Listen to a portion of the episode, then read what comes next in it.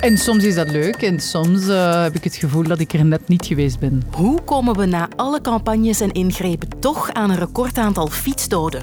Een of andere mis. Timothée Chalamet. je hebt allemaal dieren. Honden, wat ik katten, nooit doe. pasberen. De algoritmes op social media. Hoe gevaarlijk kunnen die zijn? Spielberg heeft eigenlijk het Hollywood-genre Ja, gecreëerd. ja. Dat is een ambachtsman. Nee, het is geen kunstenaar. En is Steven Spielberg echt de allergrootste regisseur op aarde en daarbuiten? In het universum van het kwartier ga ik op zoek naar antwoorden.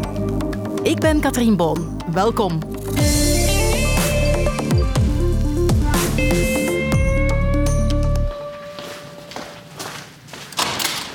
Ik begin deze podcast vandaag niet in onze studio, maar ik ben met uh, collega Margot Otte meegewandeld naar de fietsenstalling. Margot, jij vertrekt naar huis nu. Ja. Jij doet dat dikwijls met de fiets. Elke dag 35 minuten heen en 35 minuten terug. En wat doe jij om je onderweg veilig te voelen? Altijd fietslichtjes. In de winter of in de zomer, superbelangrijk. Um, fluo ook in de winter. En ook wel... Wat dat voor mij een hele belangrijke is, is oogcontact proberen maken met chauffeurs op moeilijke punten en echt teken te doen om te tonen wat je gaat doen. Je hebt geen pinkers, maar je hebt armen, dus die probeer ik wel echt te gebruiken. En dat het nodig is om als fietser goed bij de pinken te zijn, dat blijkt vandaag nog maar eens uit de ongevallencijfers van het verkeersinstituut VIAS. Vooral voor de voetgangers en de fietsers waren de cijfers vorig jaar heel slecht. Hè. Gemiddeld sterft in ons verkeer elke twee dagen een voetganger of een fietser. Harde cijfers. En bij de fietsers zelfs een triest record, want vorig jaar zijn er in België 95 fietsers omgekomen in het verkeer. Dat waren er nog nooit zoveel. Het blijft een hardnekkig probleem, zelfs na alle campagnes, infrastructuurwerken en ingrepen. En op Twitter zag ik iemand zich daar stevig over opwinden. Mobiliteitsexpert Chris Peters. Hallo, goedemiddag. U bent boos. Het zit mij hoog omdat het het gevoel geeft dat er telkens op een repeat-toets wordt gedrukt. Hè. Er zijn ook dingen die mij telkens opnieuw worden gevraagd. Hè, van meneer Peters, het is weer heel erg met de verkeersonveiligheid. En eigenlijk moet ik dan ook zelf op de repeat-toets duwen.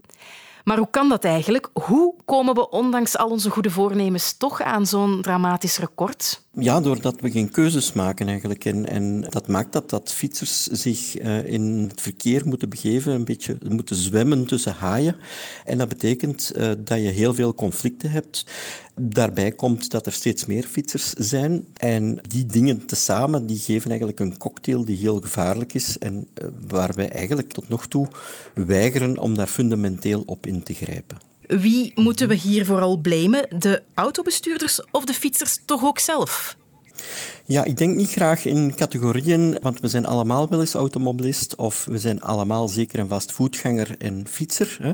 Belangrijker, denk ik, je moet de systeemfouten eruit halen. En de systeemfouten, daarmee bedoel ik dat wij ons verkeer zodanig organiseren dat de kans dat mensen foute gedrag gaan vertonen, dat dat eerder verhoogd wordt door de manier waarop wij ons verkeer organiseren, dan dat dat verlaagd wordt. Ja, u noemt daar die systeemfouten. Kan u daar enkele voorbeelden van geven? Bijvoorbeeld dat wij er nog altijd voor kiezen om de snelheidslimiet hoger te zetten dan eigenlijk toegelaten zou kunnen zijn vanuit veiligheidsoogpunt. Dus zone 30 in alle dorpscentra, in alle kernen, zou een hele logische zijn, een hele logische keuze. We kunnen die keuze eigenlijk vandaag al maken. En dan zetten we de default juist eigenlijk. En dan zorg je ervoor dat fietsers zich op zo'n manier kunnen verplaatsen dat de kans op een aanrijding veel kleiner wordt. Ja, en als ik dan eens in, in detail naar die ongevallencijfers ga kijken, dan zie ik mm -hmm. dat er bij best veel van die fietsongevallen een elektrische fiets betrokken is. Zit er daar ja. ergens een probleem? Ja, dat is zeker een probleem. En langs twee kanten eigenlijk. Hè. Langs de kant van de automobilisten die nog niet er echt mee vertrouwd zijn dat een fietser wat sneller is geworden dan dat hij vroeger was. Langs de andere kant zien we dat die elektrische fiets, dat meer ouderen daar ook gebruik van maken. Wanneer dat zij ten val komen, dan zijn de gevolgen dikwijls ook veel ernstiger. Ja, dat betekent dat we misschien moeten ouderen een beetje beter leren om de fiets te beheersen. Maar ik denk ook dat het heel belangrijk is om onze infrastructuur aan te passen. En dan ben ik daar weer met mijn systeemaanpak.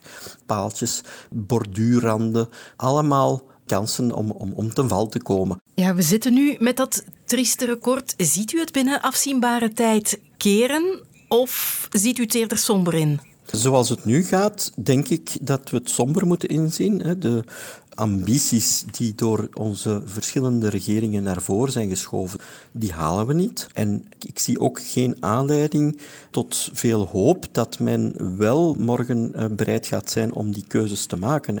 Dus we gaan echt moeten aan de grote knoppen draaien en moeten ophouden met het schaven aan kleine dingetjes, het systeem herbekijken en de systeemfouten eruit halen. Ja, een niet zo vrolijke noot om mijn collega mee naar huis te sturen.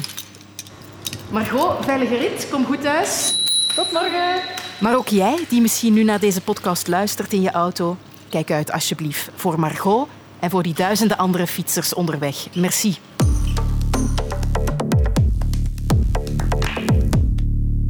In de Verenigde Staten buigt het Hoge Rechtshof zich over een bijzondere zaak. Gonzalez versus Google addresses whether or not tech companies should be held legally liable for harmful content promoted by their algorithms. Noemi Gonzalez was een van de slachtoffers van de dodelijke aanslagen in Parijs in 2015.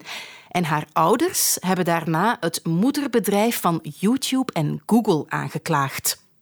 Volgens hen hebben de algoritmes van die techbedrijven radicalisering in de hand gewerkt door filmpjes van terreurgroep IS voor te schotelen aan hun gebruikers. The other night while I was looking through TikTok, I kind of fell down a bit of a rabbit hole. Here's my healthier way to make chicken wings will have for one of my two meals in a day. Squirting my fiank with my breast milk. See, money's value is backed by labor. Without you in the mix, money has no meaning. Wat is zo'n algoritme en hoe werkt dat?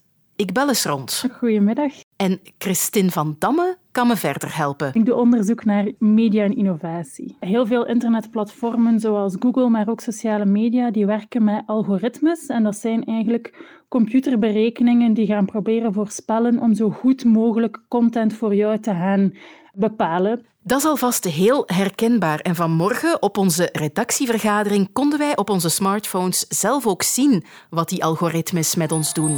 Ik heb ooit eens op een klein uiltje geklikt en dan had ik echt... Ah ja, oh. uilen zijn wel heel cool. Ik heb, ja. ik heb geen veel otters. Oh, een hondje dat als zijn lever kleedt is schattig. Tonisch. Kijk.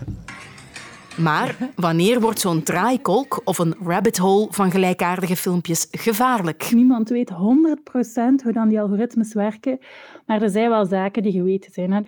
Alle mogelijke manieren waarop dat je bezig bent met die posts die online staan, gaan eigenlijk mede algoritme gaan voeden. Ze gaan eigenlijk zowel gaan kijken naar jou, maar ook naar je netwerk of te koer zaken die populair zijn en die op die manier gaan aanbieden. De soort aanbevelingen die veranderen inderdaad zeer breed. Dat kan gaan over jihadisme of terrorisme dat wordt aangespoord. Maar evengoed zeggen psychologen dat ze momenteel merken dat er heel veel mensen zijn die zelfdiagnoses van autisme en ADHD gaan krijgen dankzij recommendaties op Instagram en op TikTok vooral. Five signs you might have ADHD. Daydreaming when you're supposed to be doing something. Here are five signs you may have ADHD. Number one, you're very. Dus mensen die eigenlijk gaan getuigen over hoe het is om te leven met ADHD. En dat is op zich goed, maar uiteraard zijn er ook heel veel mensen die zichzelf dan zo een diagnose aanweten die eigenlijk helemaal niet blijkt te kloppen. Het ultieme gevaar van dat soort rabbit holes is natuurlijk dat mensen gaan overtuigd zijn van een bepaald wereldbeeld of een visie die eigenlijk niet strookt met de realiteit.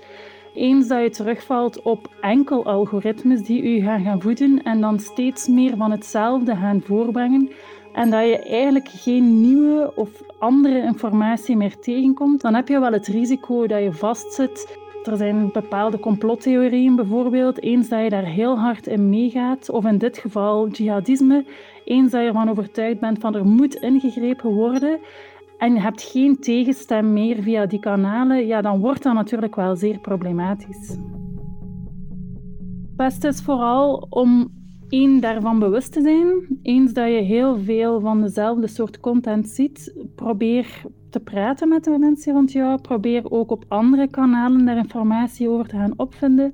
Want eens dat je erin zit, is het uiteraard niet evident om daar nog uit te geraken. Ik denk dat zo'n soort aanbevelingen die op maat zijn, dat dat zal blijven bestaan. En dat is ook helemaal oké.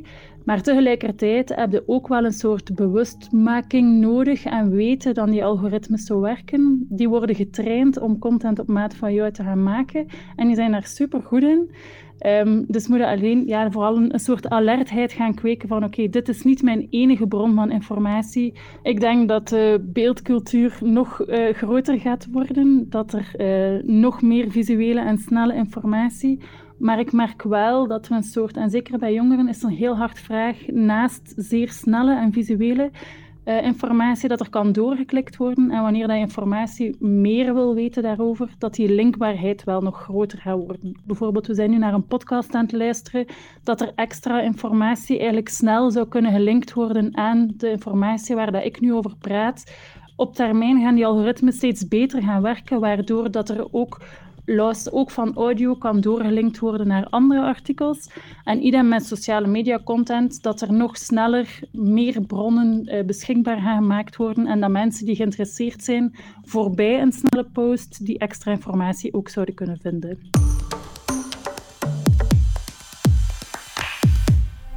Deze film komt vandaag in de cinema bij ons. Movies are dreams. The Fablemans van de Amerikaanse regisseur Steven Spielberg. En hij laat daarin zien hoe cinema zijn troost, zijn hoop en uiteindelijk ook zijn hele leven werd na een woelige kindertijd. Steven Spielberg. Hij is intussen 76 en hij blijft een klinkende naam in de filmwereld. Hij regisseerde al 34 films, won al twee keer de Oscar voor beste regisseur en daar kan er nu nog eentje bij komen voor The Fablemans. En het zakentijdschrift Forbes schat zijn totaalvermogen op 4 miljard dollar. Daarmee is hij een van de rijkste regisseurs ter wereld, dat staat vast. Maar is Steven Spielberg ook de grootste aller tijden. Als iemand in de loop van zijn carrière acht iconische films maakt, dan sta je in het pantheon van de groten. Uh, voor mij is dat absoluut niet het geval. Regisseurs Jan Verheijen en Fien Troch denken er heel anders over. De magie van Spielberg en de magie van zijn films is, is letterlijk de magie van de cinema. Erin slagen om, om iconische beelden te creëren. Uh, het, het, het shot in Jurassic Park, waarin de wetenschappers voor het eerst die dinosauriërs door dat landschap zien wandelen. It's, it's a dinosaur. De manier waarop hij dat opbouwt, ja, dat is, dat is waanzinnig goed. En je voelt bij Spielberg, en dat is iets waar ik zelf zeer gevoelig aan ben, het, het enthousiasme voor het medium.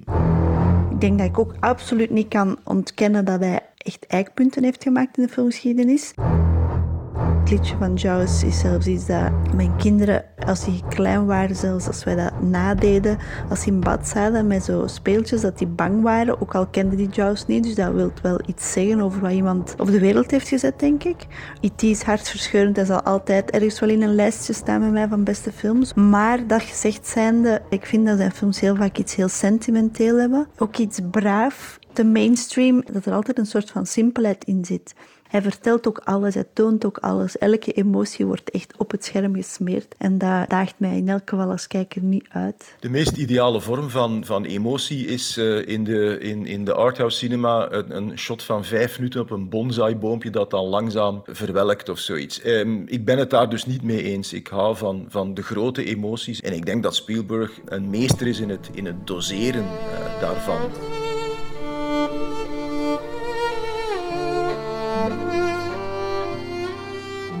Mijn grootste gruwel van Spielberg is Schindler's List. Het mooie meisje, allee, daar dan een meisje, maar ik had het nu al bij de Fable. Ik heb de Fables nog niet gezien, maar als ik de trailer zie, herken ik de jongen ook. Zo dat eeuwige onschuldige gezichtje met de grote ogen, die mij zo een beetje een Walt Disney gevoel moet geven of zo. Dan dat rood jasje in die, in die zwarte. Ik had zoiets van, ik snap hem wel hoor, ik snap wel wat je wilt vertellen. Um, maar dat dat altijd moet gebeuren op een heel bijna geromantiseerde manier, dat stoort mij heel erg. I didn't do enough. You did so much. In een Brusselse filmschool, ik weet niet of hij het nu nog doet, maar is er jarenlang een docent geweest die een halve dag uittrok om aan zijn studenten duidelijk te maken waarom Schindler's List een slechte film was. Dat zegt wat mij betreft zeer veel uh, over die docent um, en over de school. Maar het klopt, ja, als, je, als je bij je intakegesprek iets te lyrisch doet over Spielberg, moet je je mond gaan spoelen met, uh, met bruine zeep en krijg je te horen, kom volgend jaar nog eens terug als je het oeuvre van Lars von Trier of David Lynch of de bon ton auteur van het moment hebt bestudeerd. Maar het is, het, ik weet ook niet wat er eerst was. Was er eerst het feit dat hij echt zowel beetje slaapverwekkende cinema maakt in vele mensen hun ogen? Of was er eerst het feit dat het niet, niet bon ton was en dan zouden we dat gaan zeggen? Ik denk echt dat het eerst het eerste is. Dat het echt te veel geënt is op entertainment en succes en een hele makkelijke, snelle emotie, effecten, um, spektakel. Populariteit, commercieel succes is nog altijd uh, verdacht. Zo simpel zit het natuurlijk ook niet in elkaar. We zijn er hier niet uitgeraakt en dus ga ik vooral zelf eens kijken naar die Fablemans. Dat komt goed uit met mijn vrije dag morgen, want dan neemt Lode het kwartier weer over. Salut! De strafste, meest onbekende of net opvallende verhalen uit een onuitputtelijke belpopgeschiedenis. Die ontdek je met kenner Jan Delvaux in de podcast De Dikke Delvaux. Nu in de app van VRT Max.